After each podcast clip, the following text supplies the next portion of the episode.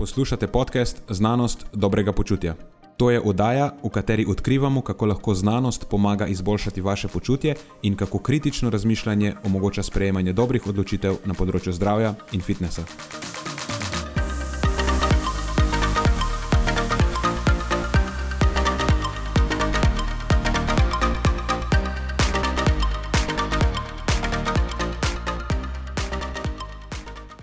Pozdravljeni, z vami smo Nenad ter moja sovoditelja Marijo in Matjaš. Tokrat je na vrsti epizoda o lekcijah, ki nas jih je naučilo preteklo leto 2021.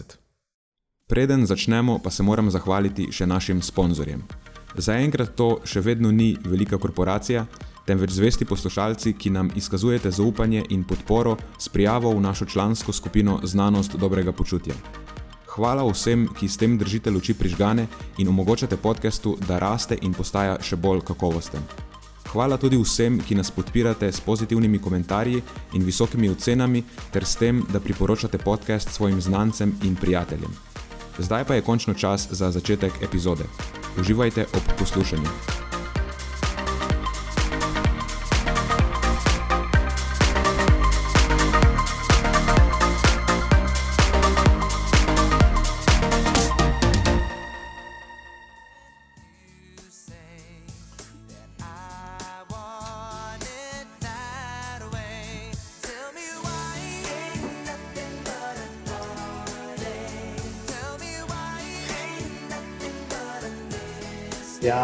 A to je zato, ker smo vsi na kupu zbrani.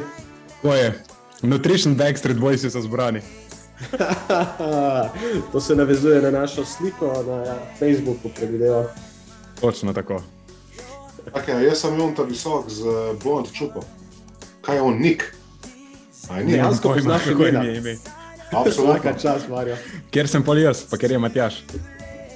Meni se pa Niko konča. A Pa še ne to ne vem, pa še ta ne vem, če je res Nik. No, ej, nam bojo poslušalci povedali, kjer Backstreet Boys je, kjer, ker jaz ne poznam nobenega izmed njih, poimensko. Ja, prosim, povejte nam, kje je Backstreet Boys smo. En bi recimo lahko bil Cody. To je tako ime zanimivo. Kodi se slišiš kot Backstreet ime. Ja, Backstreet ime, čist. Mislim, da je njena, da je tak Cody. A jaz sem Cody. Moramo pogledati, kje je Cody. Kako okay. zgleda. Okay. Uvod je bil zelo dober. Ja. Marijo, dobrodošli nazaj. Hvala, da, da za po... vesel sem. Vesel sem in počaščen kot vedno. Ne morem verjeti, da je eno leto že okoli, da spet snemamo te lekcije.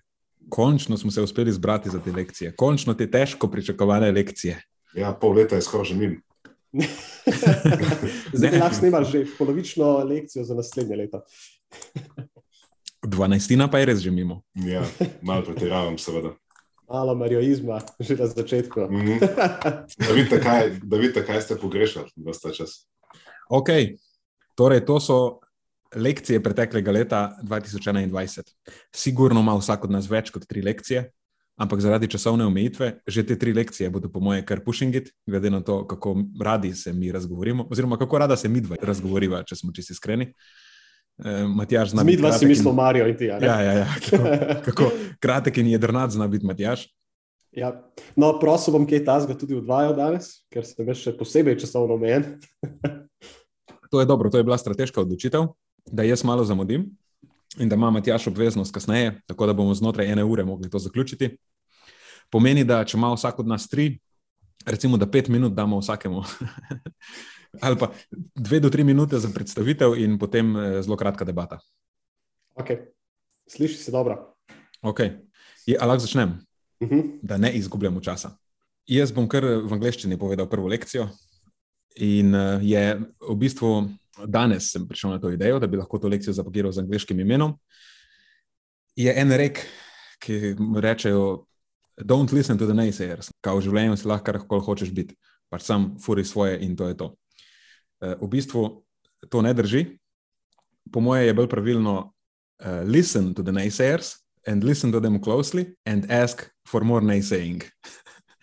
Mislim, da je to za življenje precej bolj uporabna eh, neka heuristika oziroma nek rek, ki se ga je smiselno držati, ker don't listen to the naysayers te spravi v težave, ker te noben ne čekira.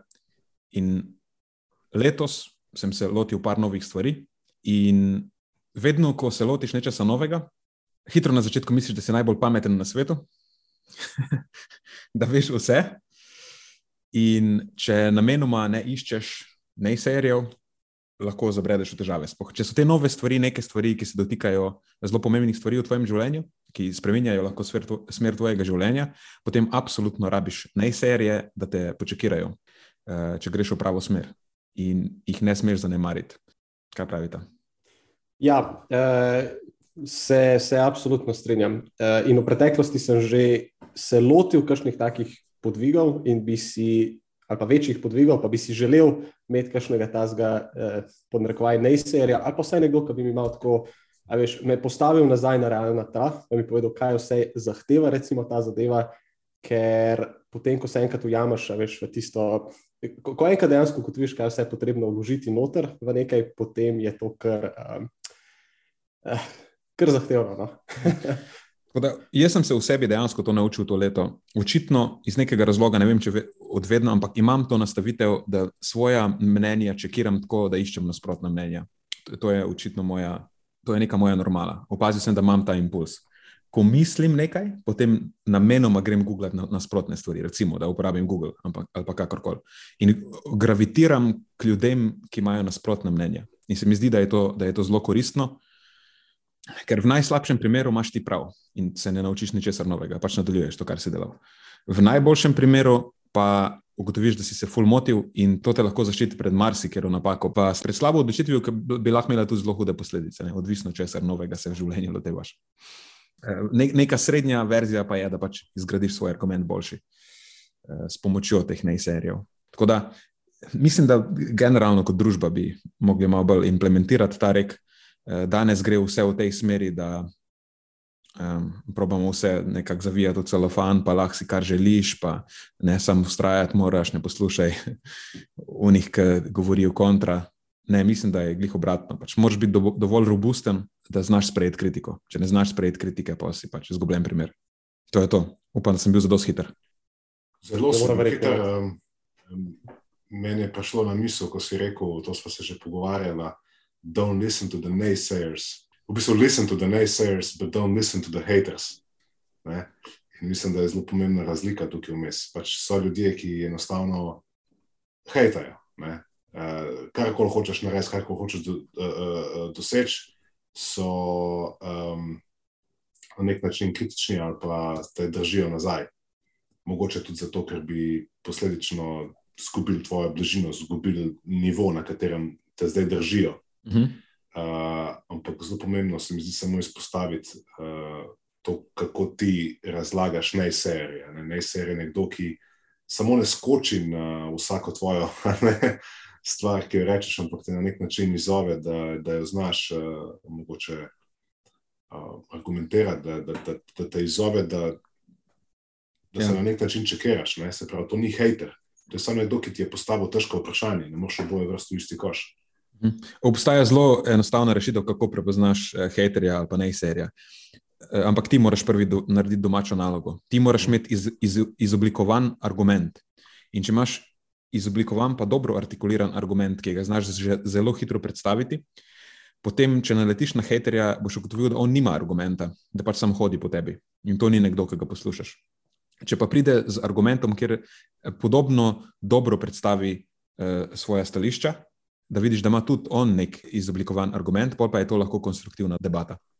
Če pa tega nima, pol pa seveda to ni nejsejer, ampak je sam en drekač. Zdaj, jaz sem nekaj, da pa Matjaža vprašal, um, kje lekcije, kje lekcije želijo, da jaz lahko predstavim. Glede na to, da sem malo pred tem podcastom objavil, že mislim, da šesto ali sedmo leto zapored, tiste moje zapisane lekcije preteklega leta, v katerih sem letos izpostavil sedem lekcij, malo manj kot ponovadi, ampak sem te malo bolj temeljito razdelil. Zdaj, um, do danes še vedno nisem dobil odgovore, kje lekcije bi želela, ne pa Matjaž, da predstavim, tako da mogoče bo mogel odimprovizirati, zdaj pa izbrati na sama. Ja, Lej, jaz, eh, tako kot sem ti rekel, iz tega članka za nalaž nisem prebral. Ampak tega Ker... ni hodil prebrati. Ravno ja. kar si zapravil minuto. Imam jih še devet, potem, če vsak dobi deset. ja, jaz ga okay. zelo nisem prebral, uh, nisem želel, da bi kakšne stvari se overlepale, seveda se še vedno lahko uh, dopuščam to možnost, ampak kaj pa preberem takoj, ko zaključimo s tem podcastom. Okay, ne, bom, ne, bom, ne bom več uh, zapravljal minut. Uh, začel bom z eno zgodbo, um, če smem. Šefe. Ja, če bo v petih minutah končana. Bo pet minut, garant, pet minut, stisnem štoparca. Uh, lani sem bral eno knjigo, Mislim, bral sem več knjig, ampak ko sem bral to knjigo, imenuje se Raise Your Game. Uh, napisal jo je znan trener Alan Stein, pač znan v svetu košarke. Um, videl sem jo, pa v bistvu sem ukradel idejo od Luke Hočevere, od koga ukradem um, cel kupenih zanimivih idej, tako da uh, hvala Luka. Uh, no, in Alan Stein v tej knjigi um, na nek način povzema in raziskuje principe m, svetovno najbolj uspešnih posameznikov na različnih področjih, ampak fokusira pa se na šport. In um, ena zgodba mi je ostala v izjemnem spominu, da še vedno zdaj, ko govorim in razmišljam o tem, čutim kocine, ki so mi šle po koncu, ko sem a, a, prebral to stran um, do konca. Opisoval je pa svojo izkušnjo takrat, uh, na enem taboru s Kobijem Bryantom. Verjamem, da Kobija Bryanta pozna zelo veliko ljudi. Um, moja Maja ve, kdo je Kobe Bryant, pa ne spremlja športa sploh. Um, se pravi, gre za enega najboljših košarkarjev um, vseh časov, absolutno za Michaelom Jordanom, po mojem mnenju. um, In uh, bom poskušal skrajšati zgodbo. Skratka, gre za to, da je uh, Kobe Bryant je bil deležen na enem košarkarskem taboru, kjer je bil tudi Ellen prisoten kot uh, trener. In uh, Ellen je na vsak način želel uh, spremljati Kobe Bryanta na njegovem individualnem treningu, zaradi tega ga je tudi prosil, če uh, bi lahko prisostoval. In je rekel, Kobe, ok, uh, pridi jutri zjutraj ob štirih pred dvorano. Ne um, ker bom imel pač zjutraj ob štirih, preden vsi ostali začnejo s treningom, pa ostalimi aktivnostmi, on svoj trening. In je rekel, Ellen, absolutno. Ellen ni hotel uh, nikakor zamuditi, hotel je nekako, veš, pokazati, da je vreden in je naštel si budilko in vse, da bo on že ob vsaj 15 do 4, če ne prej tam. In dejansko mu je uspel priti 20 minut prej in pred dvorano je že videl, da gorijo luči in sliši se tapkanje žoge ko je uh, prišel, je videl, da je Kobe v bistvu že uh, ogret, prepoten in neumorno drajsa v osnovne elemente košarkarske igre. Um, že nek začeten košarkar bi jim rekel, da so tako zelo začetniške. Gre za osnovno vodenje, cikcakanje, menjave med nogami, rollingi, ustavljanje so nožno, dvotakno, prehodi v vodenje. Se pravi, tisto, kar se v bistvu učiš, če bi se, ne vem, ko boste otroka opisali na košarkarski krožek, da bojo te stvari učili.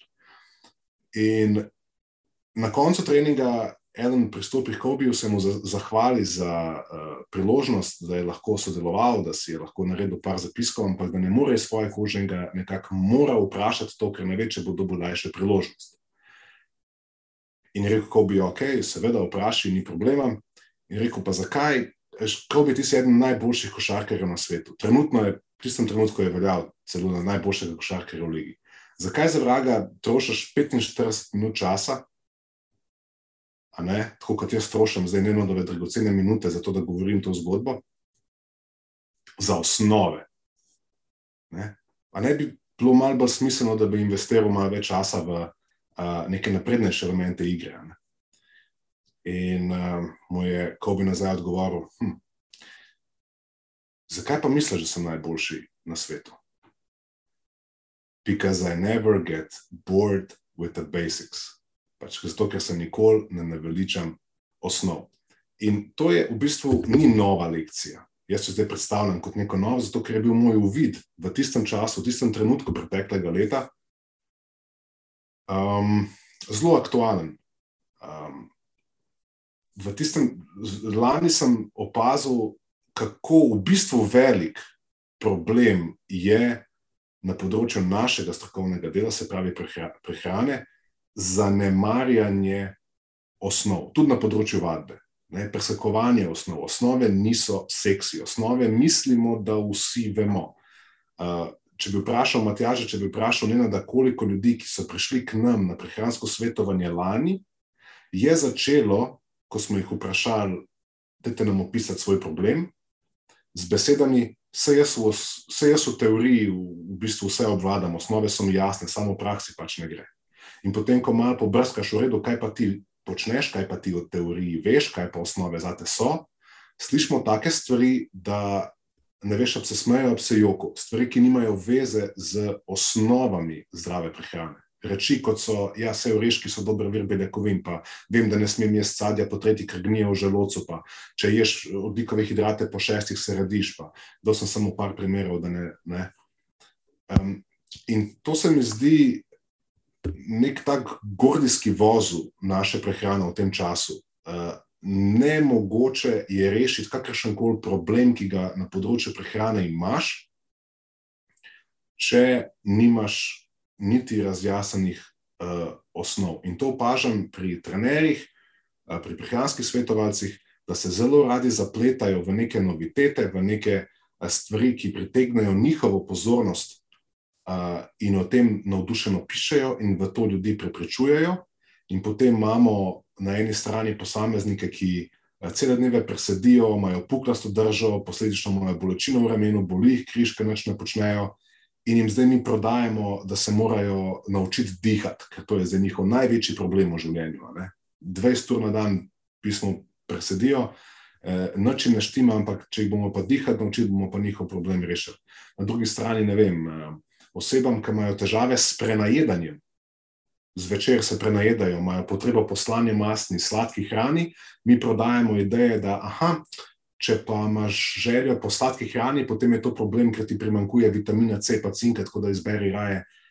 Ne, se pravi, imamo kar neke trditve, dajemo ven in zaradi tega samo dodatno mešamo ta drek. Uh, tako da mislim, da smo postali izjemno prepričljivi, tako prepričljivi v reklamiranju nekega pod navednicami novega znanja, ki sicer lahko navduši z neko globino, z neko noviteto, ampak je pa ljudi večinoma samo pelje stran od osnov, ki so potrebne uh, za to, da bodo dosegli to, kar potrebujejo. In vem, da je dolg čas, vem, da je bedno, sem brez tega, da bomo res začeli malo bolj strokovno pogovarjati o osnovah. Uh, mislim, da bo uh, v bistvu nič bolje in bomo še vedno ostali tam nekje med vsem, kar bi mi želeli, pa tem, kar um, česar v bistvu ne zmoremo. Tako da upam, da je ta zgodba bila komu zanimiva in vesel sem, da nisem za njo porabil več kot deset minut. Super, nisi porabil več kot deset minut. E, to absolutno drži v praksi, pri delu s strankami in drži še na enem področju, tudi pri strokovnosti oziroma pri tem, ko žel, želi nekdo postati, recimo, strokovnjak, pa ne maram te besede, pa sebe ne maram imenovati strokovnjak, ampak lahko rečem tako. Kdaj sem jaz začel res razumeti prehrano, če se pogovarjamo o teoriji? Takrat, ko sem pri 20 in nekaj letih vzel v roke srednješolski biološki učbenik in srednješolski učbenik kemije, in sem začel v bistvu spet od začetka, ker pač v srednji šoli nisem za dosto dobro poslušal. In sem najprej srednjo šolo naredil, in potem sem vzel v roke učbenik biokemije in fiziologije, in sem šel čist od začetka. In ne boste verjeli, prebral sem učbenik fiziologije večkrat, skoraj od začetka do konca. Hotel sem preskočiti, pa brati v super dopolnilih, pa iti brskati po študijah, pa sam tega ne moreš razumeti, če nisi zgradil osnov. In znova to leto, to je tudi same v bistvu lekcija, tako se je zdaj predstavil, ker sem začel recimo se malo bolj ukvarjati s statistiko, sem mislil, da imam full zadeve eh, domišljene, da vem full o tem. In sem pol hitro ugotovil, da bo treba ponoviti vajo in sicer ne iti v srednjo šolo nazaj, ker matematika mi je malo jasna, ampak iti mogoče na začetek do diplomskega študija in preveriti osnove statistike, in šele potem bom lahko sodeloval pri predmetu, ki se mu reče linearni modeli. Ja, jaz, bi, eh, jaz bi samo en komentar podal. Eh, Marijo, začel si zgodbo s Kobijem kot legendo med športniki, ampak ironično bi rekel, da so ravno športniki tisti, kjer se tudi zelo pogosto srečujemo s tem problemom, veš, eh, neobvladanja osnov.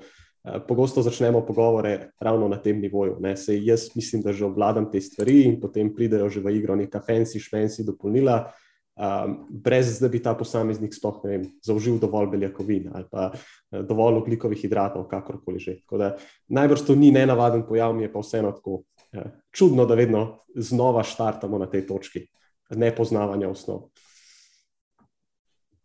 Odlično. Matjaš. Okay.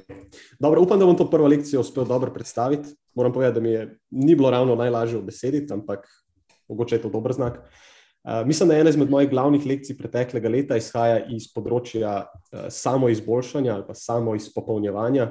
Ne vem točno, kako bi rekel temu po slovensko, angliži imajo tak lep izraz self-improvement, ki bi rekel, da je ta trenutek zelo popularno ali pa še posebej izrazito, vsaj v dobi socialnih medijev, ker kot preš feed, si bombardiran s highlighti nekoga, a veš, nekdo je prebral. XY število knjig tisti mesec, se je udeležil tega in tega seminarja, je zaključil nek kurs in tako naprej. In mislim, s tem ni nič narobe, ne, da ne bo pomote, to je nekaj, kar spodbujamo, ampak problem, ki sem ga zasledil pri sebi v prvi vrsti, pa tudi dejansko številnimi posamezniki, s katerimi smo delali v tem preteklem letu, je pa to, odkot izvira ta potreba po samo izpopolnjevanju. In opažam, da pogosto izhaja ta potreba iz nekega nezadovoljstva nad samim seboj, ali pa mogoče bolje rečeno, ne sprejemanja samega sebe v neki dotični situaciji. In da mogoče obstaja nek tak strah v ozadju pred tem, da bi sprejetje samega sebe v tisti dotični situaciji potem um, nekako onemogočalo ali pa preprečilo nadaljno rast in izboljšanje, oziroma omogočalo neko boljšo prihodnost pod narekovaj. Skratka, opazil sem, da je pogosto pri meni bilo ravno to nelagodje s svojo situacijo tisto, kar je bil driver izboljšanja ali pa tega, da sem se želel na nekem področju bolje zverzirati. No, ampak spoznal sem, da to ni v redu, oziroma da vsaj dolgoročno gledano ne more biti vzdržno. Tako da moja lekcija v prvi vrsti zase, pa mogoče kogarkoli drugega, ki se znajde v tej, je seveda, da, um, da lahko samo izboljšanje ali pa samo izpopolnjevanje izhaja izključno iz situacije, kjer sprejemamo uh, svojo trenutno realnost. In to bi potem pomenilo postavljanje vprašanj v stilu, kaj to pomeni za moj bottom line, če se stvari ne spremenijo, če ostanejo takšne, kakršne so ta trenutek. Ne, kaj če recimo nikoli ne bom imel višjega akademskega naziva, ali pa kaj če nikoli ne bom služil več denarja kot ga ta trenutek. To je tako zelo težko vprašanje, po mojem, po mojem mnenju, ampak so nujno vprašanje in ustvarjajo neko tako podlago za kasneje. Ker kaj se zgodi, če nimamo te podlage, zgodi se to, da do kjerkoli točke pridemo, nikoli nismo zares srečni. Vsaj tako občutek imam. Veš, želiš tako in tako postavo, veš, lahko priješ do take točke, da zgledaš kot najboljši ali pa najboljša fitness modelka, pa še vedno nisi srečen, nisi zadovoljen nad samim seboj. Uh, Marijo bi rekel, da lahko si Heidi fucking klum, pa ti še vedno ne bo zadosti. to so besede iz enega coachinga, če se pravilno spomnim. Ali pa ne vem, dobiš določen akademski naziv, pa še vedno nisi srečen, še vedno ni dovolj. Služiš več denarja kot prej, še vedno ni dovolj, še vedno nisi srečen. Veš, loviš svoj rep in nikoli ga ne ujameš, ne glede na to, koliko obratov narediš okrog sebe. Uh, in, in to ne pomeni, da se moraš sprijazniti s svojo situacijo, da nikoli ne bo boljša v nekem črnogledem smislu, ne daleč od tega, veš, stremiš k izboljšanju, ampak če je izboljšanje predpogoj tvoje sreče, namesto da si vesel svojo situacijo, tistega, kar imaš trenutno, potem, po mojem mnenju, nikoli ne prideš do tiste točke, do kjer si zares želiš. Tako da izboljšanje in sprejemanje sta, po mojem mnenju, tako neločljivo povezana. Sprejemanje je neke vrste predpogoj izboljšanja, ampak sprejemanje tudi pomeni sprejemanje dejstva, da moraš nasloviti tisto, kar je potrebno izboljšati. Okay, upam, da nisem tega preveč viši-vaši povedal, ali budistično, ali kakorkoli že, ampak za me je bil to tak, tako pomembno odkritje preteklega leta.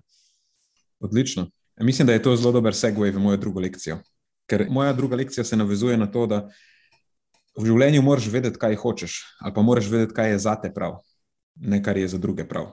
Moraš imeti dobro razdeljen argument o tem in moraš biti s tem samozavesten, in ne glede na to, uh, kar bi drugi želeli od tebe. Da ti si, mislim, da je v prvi vrsti to mora biti vodilo za te. In moraš slediti temu, ker na koncu, če temu ne slediš, si lahko sam nesrečen. Seveda boš ob tem poslušal nejserije, ker ti to pomaga zgraditi svoj argument, ampak še vedno na koncu dneva je tvoja odgovornost, da se ti zase odločiš, kaj misliš, da je prav, in stojiš za tem. In tako da ta moja druga lekcija je v bistvu nadgradnja prve lekcije eh, in eh, se navezuje na to, tudi kako ti si, kako ti lahko postaneš boljši nejsejer, kako si lahko ti eh, drugim koristen. In ne moreš biti drugim koristen na ta način, da si nejsejer, da si dober nejsejer, če nimaš dobro eh, zgrajenih argumentov. Tako da to je prva stvar. Če nisi dobro premislil o nekih zadevah, in potem moraš biti zadost samozavesten, da za temi zadevami stojiš, tudi če se drugi s tem ne strinjajo. Ker doskrat se zgodi, da se ljudje s tabo ne bodo strinjali. In če hočeš podati konstruktivno kritiko, moraš biti na to pripravljen, da te ljudje ne bodo marali. In v, v preteklem letu se je večkrat zgodilo, da so se ljudje upravičevali za nekaj, zato ker so drugi od njih pričakovali, da se upravičijo.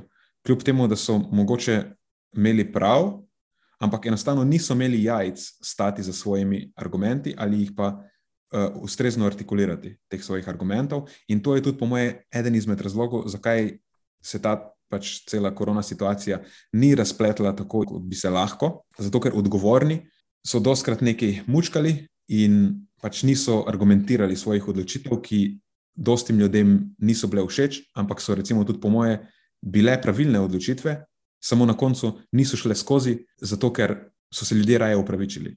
In uh, še en trend, recimo, ki je prišel do izraza prejšnje leto, je ta canceling, ne cancel culture. Pač ti nekaj poveš, kar ljudem ni všeč, ki je v bistvu imaš prav. Poveš točno stvar, ampak pač ljudem zaradi nekega razloga ni všeč, ker niso dovolj robustni, da bi resnico sprejeli in se počutijo napadeni, in potem backtrackaš in se upravičiš, kljub temu, da veš, da imaš prav. To mislim, da je pa tako res. Ne, vem, ne morem spoštovati nekoga, ki to naredi. No? Ve, da ima prav, vsi dokazi kažejo, da ima prav, ampak se ustraši in se upraviči in spremeni svoje mnenje, samo zato, ker drugi od njega to pričakujejo. In na koncu nam vsem to povzroča škodo, sploh če so to ljudje, ki so na vodilnih položajih.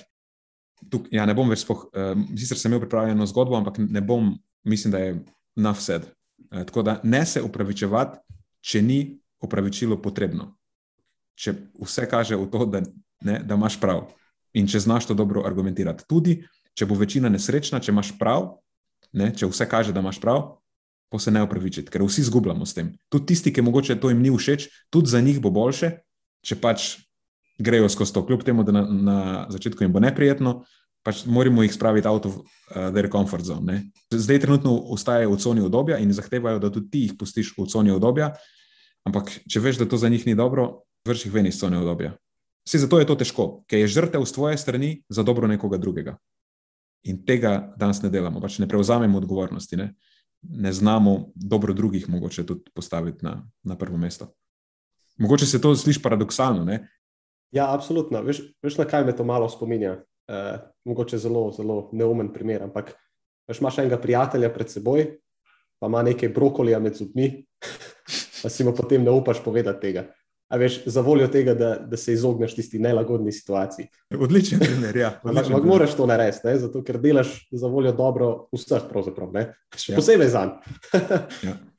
A sem jaz na vrsti? Tako je. Okay. Uh, v tej lekciji sem razmišljal o tem, o tem sem kar nekaj časa razmišljal, tako da ni bilo tako, da sem kar, uh, aha, spomnil se pa, to je to zdaj.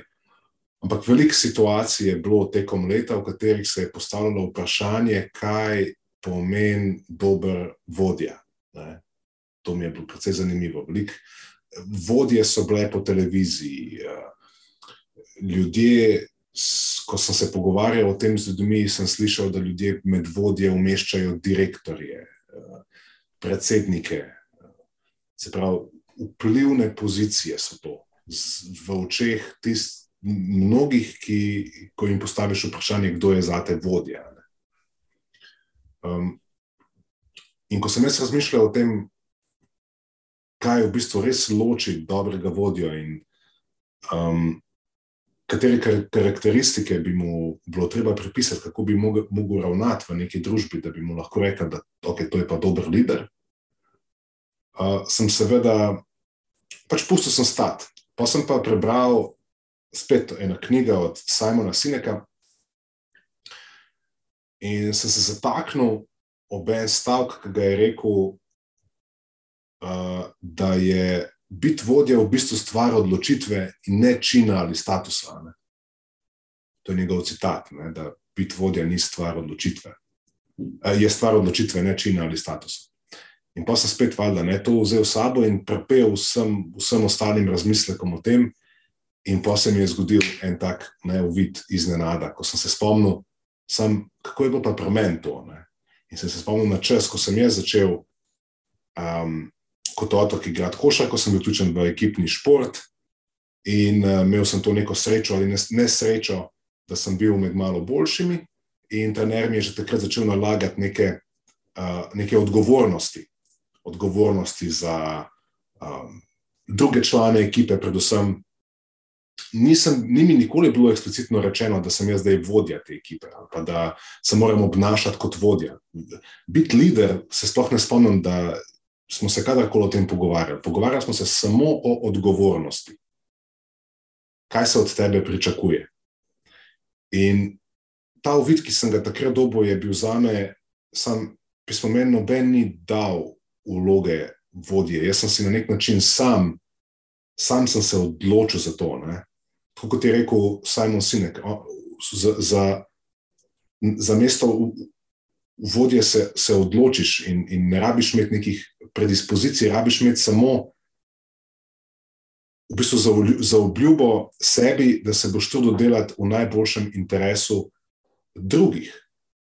To v bistvu moj uvid na tej točki, je bil, da dobrega vodjo potem takem loči bolj kot ne samo en korak. In, in to je korak, s katerim stopi za najboljše interese drugih. In če si sposoben narediti to, da da uspeš stremeti k nesebičnosti, sočutnosti, sposobnosti pomiriti druge, tudi takrat, ko si v bistvu sam najbolj namiren v neki situaciji. Uh, to se mi zdi nekaj, nekaj, s čimer bi jaz opisal dobrega vodjo.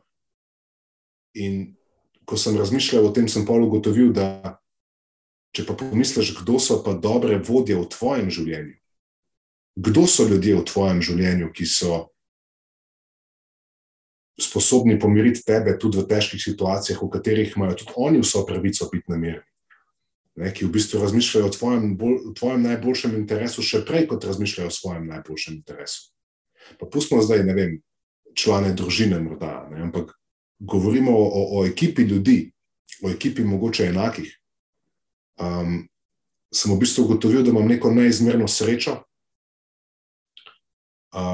da delujemo v ekipi, kjer sem obdan z ljudmi, ki jih lahko z lahkoto umestim v ta opis. In, in to je nek neverjeten občutek hvaležnosti, ki ga človek lahko ima, da se je na svoji poti v bistvu vsega tega naučil v vseh situacijah, ko ravno tega, o čemer zdaj govori, ni premogel, ko je naredil ogromno nekih napak, ogromno krat bil sebičen, ogromno krat naredil stvari, iz katerih se recimo danes je uspel naučiti dovolj, ne, da, da se lahko nekako v tem trenutku nahaja v, v eni taki ekipi ljudi, ki mislim, da vsaj pri nas, pri Filgodu, um, je res zelo lepo pomisliti pa, pa, pa reči, da, da, da res stojimo drug za drugim in, in da v bistvu se počutim kot nekdo, ki z največjim veseljem stoji za, za, za najboljšimi interesi uh, vseh vas. Lepo si to povedal. Ja, zelo lepo. Jaz ne moram nič drugega reči, kot da, da, da vračam vse te lepe besede in da se počutim na nek način privilegiranega, da sem lahko del te, te zgodbe. Ja, jaz bi vajal oba dva v opisu, tako kot si ti, Marijo, rekel, da imata oba dva te karakteristike. Da si lahko predstavljaš moč emocij, ki se je v meni na nek način nabrala, ko sem eh, eh, oblikoval to misel skozi mogoče mesece, in potem prišel na koncu do spoznanja, da ko veš, greš tako po vsake kocke sestavljaš, in pa na koncu se ti sestavi, da, da, da vse to, kar ti misliš, čemu stremiš, kar, kar je nek ideal, v bistvu imaš v ekipi, v kateri delaš. Ne. Ta nek občutek hvaležnosti, da, da veš te, te, te, te prevzame, ko na nek način tudi človek, ki je sicer vešč z besedami, ima težavo formulirati nek stavek, s katerim bi to opisal. In morda celo sem imel s to točko največ uh, dela, največ časa sem jo pisal, ker mi je bilo to tako težko um, spraviti besede. Mislim, da si zdaj artikuliral še eno zelo pomembno stvar. Mi smo se sicer šalili na enem od zadnjih podkastov, da za delo v Filgudu, oziroma kot tesen član, uh, oziroma kot uh, član najožjega kroga ne, te Filgud ekipe, moraš biti karakterni čefur. Ampak mislim, da ni samo to. Mislim, da zato lahko je to dvignjenega s tem. Ja, ampak mislim, da obstaja še en kriterij, ki si ga, mi, ki si ga sicer sploh nismo prej artikulirali. Ni samo to, da si karakterni čefur. Ampak po mojem, moraš biti tudi malo vodja. Moraš znati dati svoje stvari na stran, pa v nekih situacijah pač delovati uh, samo inicijativno in v korist drugih. Mogoče imamo tudi zato ne, težavo najti ljudi, ki, ki jih nekako uvrednotimo, tako da bi jih lahko priključili ekipi. Upam, da se to ne sliši na robe. To, ne, ja, to je recimo ena izmed naših bolečin, ker smo zelo pač piki, pa izbirčni um, pri tem. Čeprav mogoče ni samo ena izmed naših bolečin, ampak nekaj, kar um, se na dolgi rok potem dejansko obrestuje. Plusi ja. in minusi. Največja fora je, da tega od vseh stvari tega ne moreš naučiti. Zato, ker se ne da naučiti, ker je stvar posameznikove odločitve in kar je največja fora, niti se ne zaveda, da jo je kdaj sprejel. Ta pravi lideri, ponavadi, ne bi rad zdaj generaliziral, ker to ni v moji navadi, ampak bi lahko argumentiral, da pravi lideri ponavadi um, se te pozicije ali pa tega naslova nekako s tem niti ne radi okitijo. Uh mhm. -huh. ne, ni to nekaj, s čimer ne, se oni zdaj opisujejo. Tako da je um, no, pač zanimivo videti, no, morda bo še komu. Super. Ja. Matjaš, na vrsti si. Uh -huh. um, zdaj, zdi se mi, da Zdi se mi, da ti vsako leto servira z nekimi lekcijami, s katerimi si se v preteklosti mogoče že srečal, ampak vseeno je vsako leto tako posebno v tem smislu, da mogoče potem zares ozavestiš neko lekcijo, ne, če bo to logično povedano. Mislim, da si nekaj v tem smislu že ti prej zapeljal, Marijo, svojo prvo lekcijo, ne, da to ni mogoče nič novega pod narekovaji, ampak mogoče samo nekaj, kar najbolje predstavi tisto preteklo leto. In na tem naslovu ne bi mogel izpostaviti nič drugega kot to naslednjo lekcijo, vsaj za leto 2021, in sicer to, da so višji cilji kulminacija ali pa seštevek večjih manjših uspehov. Skratka, nekaj, kar me je to leto ponovno naučilo, je dejstvo, da karkoli pomembnejšega dosežemo v življenju, ni rezultat enega večjega dejanja pod narekovaji, ampak je seštevek večjih manjših korakov. Zdaj, če dam spet primer odprej, ne hočeš nek akademski naziv ja, potem moraš pač opraviti na stotine nekih manjših izpitov na poti do tega. Ali pa hočeš določeno postavo, je opraviti moraš na tisoče manjših korakov v obliki treningov, izbire primernih obrokov za svoje cilje in tako dalje. In tako dalje. Tako kot neka igrica, vse skupaj. Ne? Premagaš enega bosa, enega šefa in greš potem v naslednji level. Um, in mislim še to, če, če še malo nadgradim to, uh, da se moramo naučiti, kako razviti veščine spopadanja s temi manjšimi bosi na nižjih levelih, na poti do tega glavnega bosa in sočasno črpati vsaj neko mero zadovoljstva ven iz upravljanja teh manjših korakov. Če navežem na tisto, kar sem prej povedal v svoji prvi lekciji, zdi se mi, da nikoli ne moreš biti zares srečen, če potem prelagaš to srečo v, v neko daljno prihodnost, XY obdobje vnaprej, na nek grandiozen cilj. Ampak probaš vsaj eh, neko mero zadovoljstva črpati že v teh manjših korakih do tiste točke.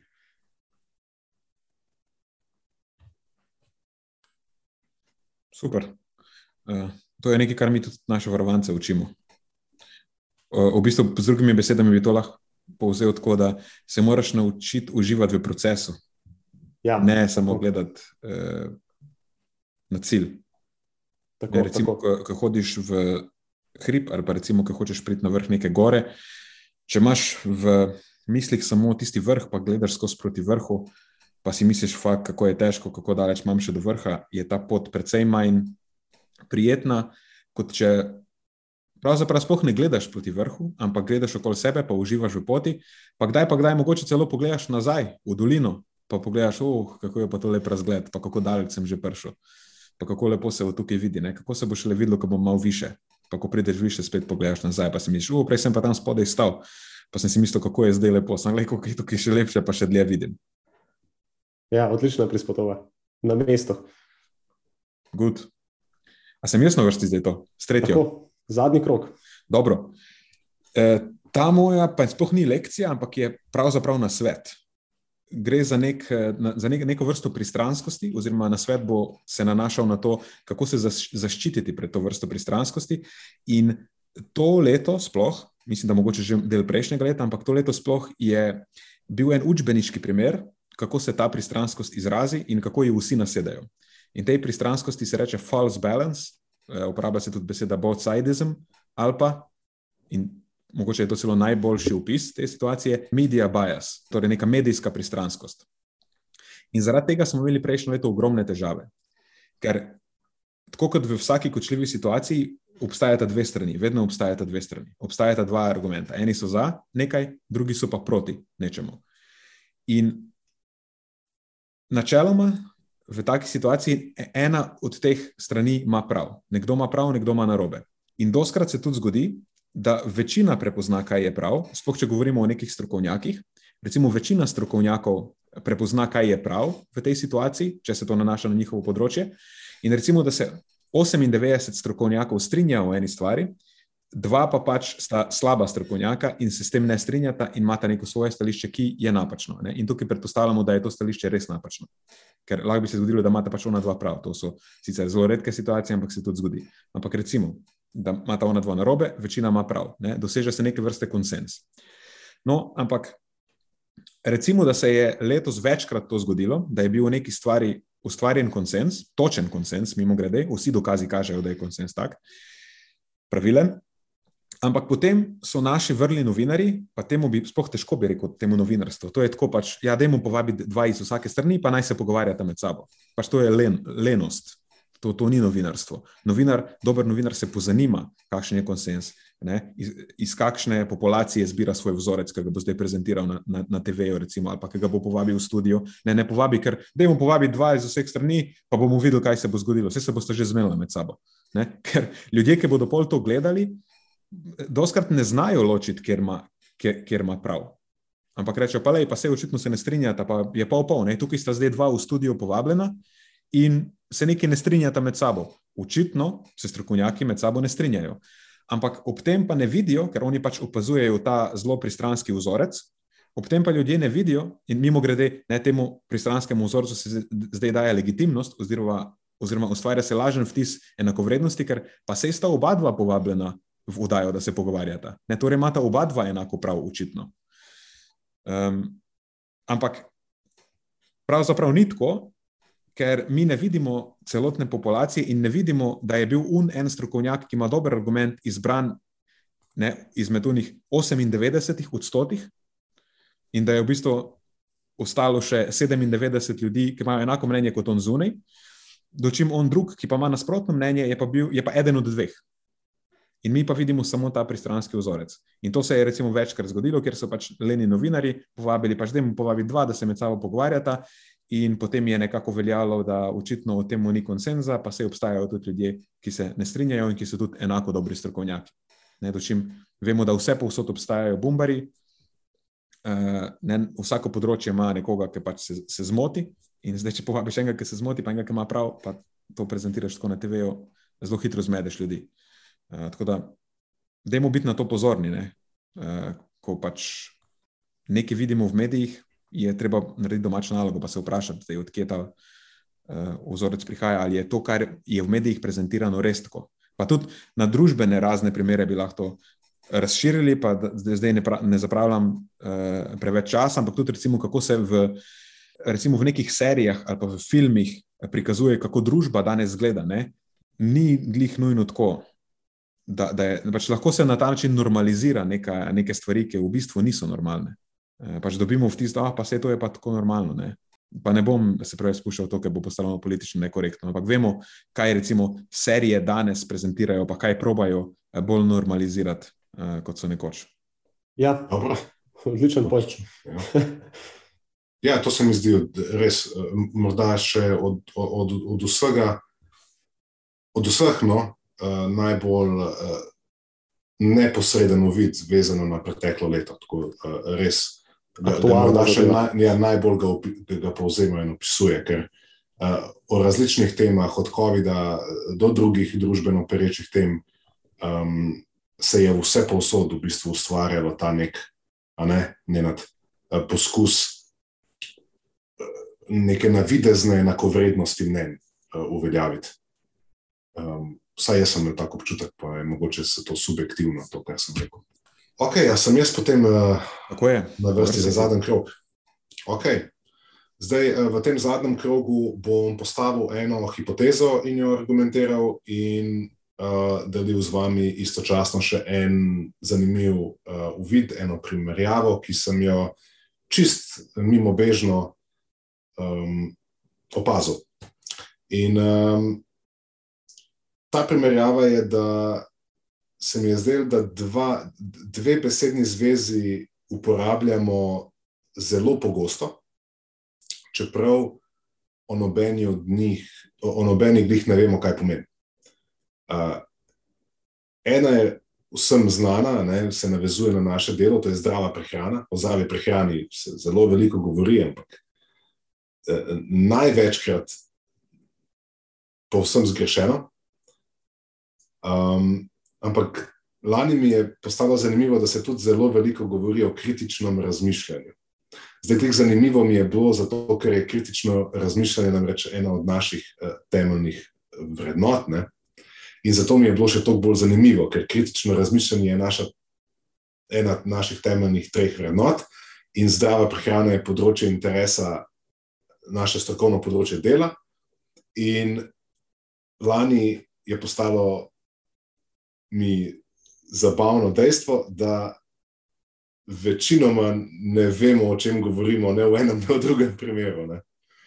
Um, to me je, je nekako za, za, zabavalo. Ne? Uh, v medijih se seveda o zdravi prehrani, ne kadarkoli se zdrava prehrana omenja, vemo, da ne, je brez sladkorja, brez bele moke mehna večerja, obilen zajtrk, nič kemikalij, samo naravno. Pač to so vse neki sklici, ki so povsem mimo bistva zdravega načina prehranjevanja, pa primernega načina prehranjevanja. In um, zelo, po, zelo zanimivo mi je bilo, da tudi kritično razmišljanje uh, smo začeli uporabljati kot nek. Um, Neko nadpomenko za, za ali pa bom tako rekel, ne, v zapisu sem napisal ovijalen, privlačen ovijalni papir, v katerega zavijamo vse svoje dvome in nestrinjanja z vsem. Tako da, če se ne strinjam z nečim, potem sem, pa, pa tudi če imam tako butast argument, zavijam to v kritično razmišljanje. Jaz samo kritično razmišljam. Uh, to mi je bilo, recimo, uh, um, ena stvar, ki mi, je, ki mi je bila zanimiva. In ko sem bolj, ko sem o tem razmišljal, da ne zgubim več časa, se tiste, ki bo to zanimalo, bo seveda si lahko prebrali, ampak bolj kot sem razvijal to misel, sem prišel do, do ene hipoteze. Um, to bom postavil v obliki vprašanja. Um, če se strinjate, da, da je kritično razmišljanje v tem trenutnem okolju, v katerem živimo, temeljen dejavnik našega zdravja in s tem nič manj pomembno od primerne prehrane, redne telesne dejavnosti, razgibanega družbenega življenja ali pa pač neke finančne samostojnosti. To je na nek način moja hipoteza, da je sposobnost kritičnega razmišljanja za nas postala danes enako nekih primerih bolj, v nekih manj, ampak zelo pomembna, enako kot pa vse, vse naštete, uh, uh, že uveljavljene, že uveljavljene področje. In, in to bi nekako v zaključku argumentiral s tem, da se verjetno strinjamo, da je sposobnost kritičnega razmišljanja, um, ki v bistvu je intelektualna disciplina, ki, ki, ki nas na nek način ščiti pred stran potmi naših čustvenih uh, odločitev, za katere ponavadi vemo, da nas doskrat odpeljejo stran od naših najboljših interesov. Um, da da je predpogoj, da je, da je to kritično razmišljanje predpogoj za sprejemanje kvalitetnih odločitev. In če to povsem zanemarimo in, in temu ne namenimo nobene pozornosti, niti ne razumemo najbolje, kaj to sploh pomeni,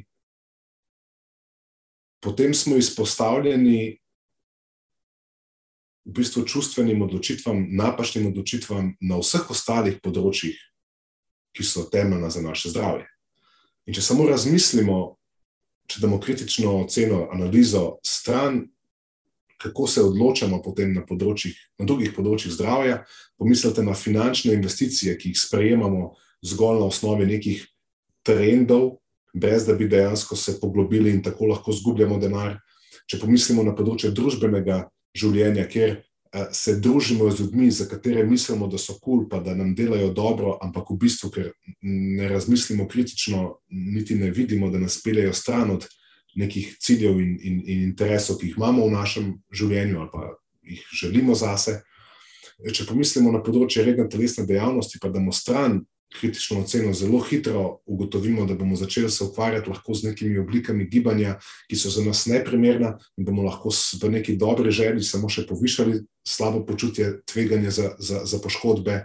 In seveda, če se vrnemo nazaj na področje zdrave prehrane, in če ne ocenjujemo informacij uh, dovolj kritično, bomo seveda z lahkoto nasedli na milijon in eno informacijo o prehrani, ki krožijo naokoli, in bomo lahko z lahkoto tudi povzeli te neke prakse, ki se priporočajo, in si s tem eventualno spet naredili več škode kot koristi. Da, zato se mi je zdelo zanimivo to sposobnost v današnjem času morda bolj približati nekim temeljnim uh, za naše zdravje in dobro počutje. Uh, torej, v bistvu je tvoja tretja lekcija uvodna špica tega podcasta in opis na internetni strani. A res? ja to, to, kar si zdaj ti izpostavil kot tretjo lekcijo, je tako v vodni špici, jaz povem. ja, ok, ja, dobro. Če bi mogli postiti to kot zadnjo lekcijo. To bi mogla biti zadnja. Ja. Ja. ja, to bi lahko, bil, to bi lahko jaz povedal kot, kot uh, na, mesto, na mesto špice, vodni deset minut. Ja. Evo, da se bo ne rad malo poigral. Da, v bistvu se strinjamo, ne? to je misija tega podcasta. Ja predstaviti, predstaviti, kako je v bistvu kritično razmišljanje eh, ja. ključna komponenta zdravja. Ja, tako da to je, to je recimo. Ne vem, je, prišel sem potem na nek zanimiv način, ampak mi je bilo, uh, povezuje se z vsem tem, kar počnemo, seveda, se je logično, da je kritično razmišljanje naše temeljne vrednote in to ni bil zdaj namen um, še dodatno to, uh, ta žebu zabijati. Ne? ne, to je potrebno, uh, ta žebu zabijati v, na tem podkastu, tisti, ki to poslušajo, najbrž vedo, da so to naše vrednote. Če ne vedo zdaj, um, samo morda ni odveč postaviti, um, postaviti to v spredje. Ok, da je vam vidno zdaj, Matjaž, še čas, da svoje tretje pove, ker nam eh, izteka se nam. Ja. Dobro, Marijo, se veš, kako pravijo, vse poti podcasta ZDP vodijo do kritičnega razmišljanja. Uh, okay, evo, uh, če je kaj zaznamovalo preteklo leto, ali pa mogoče bolj natančno pretekli dve leti, je bil to med drugim definitivno tudi pomen uh, psihofizičnega zdravja. Uh, oboje je nekaj, kar pogosto naslavljamo skozi te podcaste, in oboje je nekaj, s čimer imamo kot družba več kot očitno veliko problemov. Uh, mislim, da statistika na obeh točkah ravno ni na naši strani, še posebej, če si pogledamo uh, recimo statistike, kar se tiče našega duševnega zdravja, imamo dokaj visoko prevalenco depresije in podobnega. Zdaj imam ta privilegij, da sem obdan s celo kupico ljudi, ki jim zaupam in vem, da me bodo poslušali, dalo, dali podporo, če je to potrebno, ko je to potrebno. Dva izmed njih sta tudi moja so-podcasterja, ne vem, če je to izraz, mogoče si ga zmislil, ampak nima veze. no, ampak moj problem je, in si predstavljam, da je to problem še mnogih drugih, to, da pogosto svoje podnarekovaj črne misli potlačim, a veš na vzven, daš pa tisto fasado veselja, ker s humorjem pač najlažje zamaskiraš tako situacijo. Uh, in to je nekaj, na čemer bi rad delal, zato bom dal kot svojo zadnjo lekcijo dejstvo, da iskanje pomoči ni znak šibkosti. Uh, in če že bi rekel, da velja ravno nasprotno, naj bo iskanje pomoči v težkih časih znak hrabrosti.